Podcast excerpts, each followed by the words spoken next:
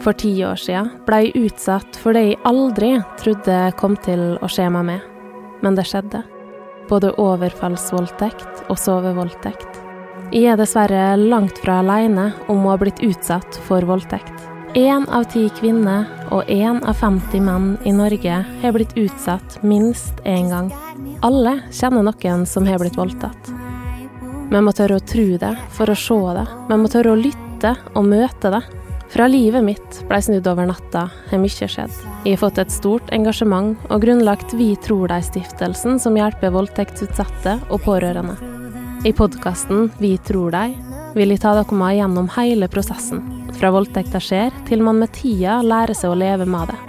Jeg har et stort håp om at det vil skape en forskjell, gi håp og trøst, informasjon og kunnskap. Jeg skal snakke med utsatte, pårørende og fagpersoner og ta dere med til overgrepsmottaket, politiet og i rettssak. Her er noe av det du vil få høre mer om. Nei, Det starta vel egentlig da jeg var sju-åtte år. Eh, av en onkel. Lokka veldig mye med godteri. og jeg har tenkt flere ganger på at det hadde vært lettere å vært utsatt for en bilulykke f.eks. Der er det ingen som stiller spørsmålstegn om du faktisk var med i bilen. For min del var det jo at jeg våknet av det, at jeg sov. Så er han der. Hun legger et lite teppe over ansiktet til dukken sin som har påmalte øyne, slik at dukken ikke skal se det lille meg vet vil skje. Det har liksom vært så sterkt for meg at jeg har bestemt meg for at dette her skal ikke dele med noen.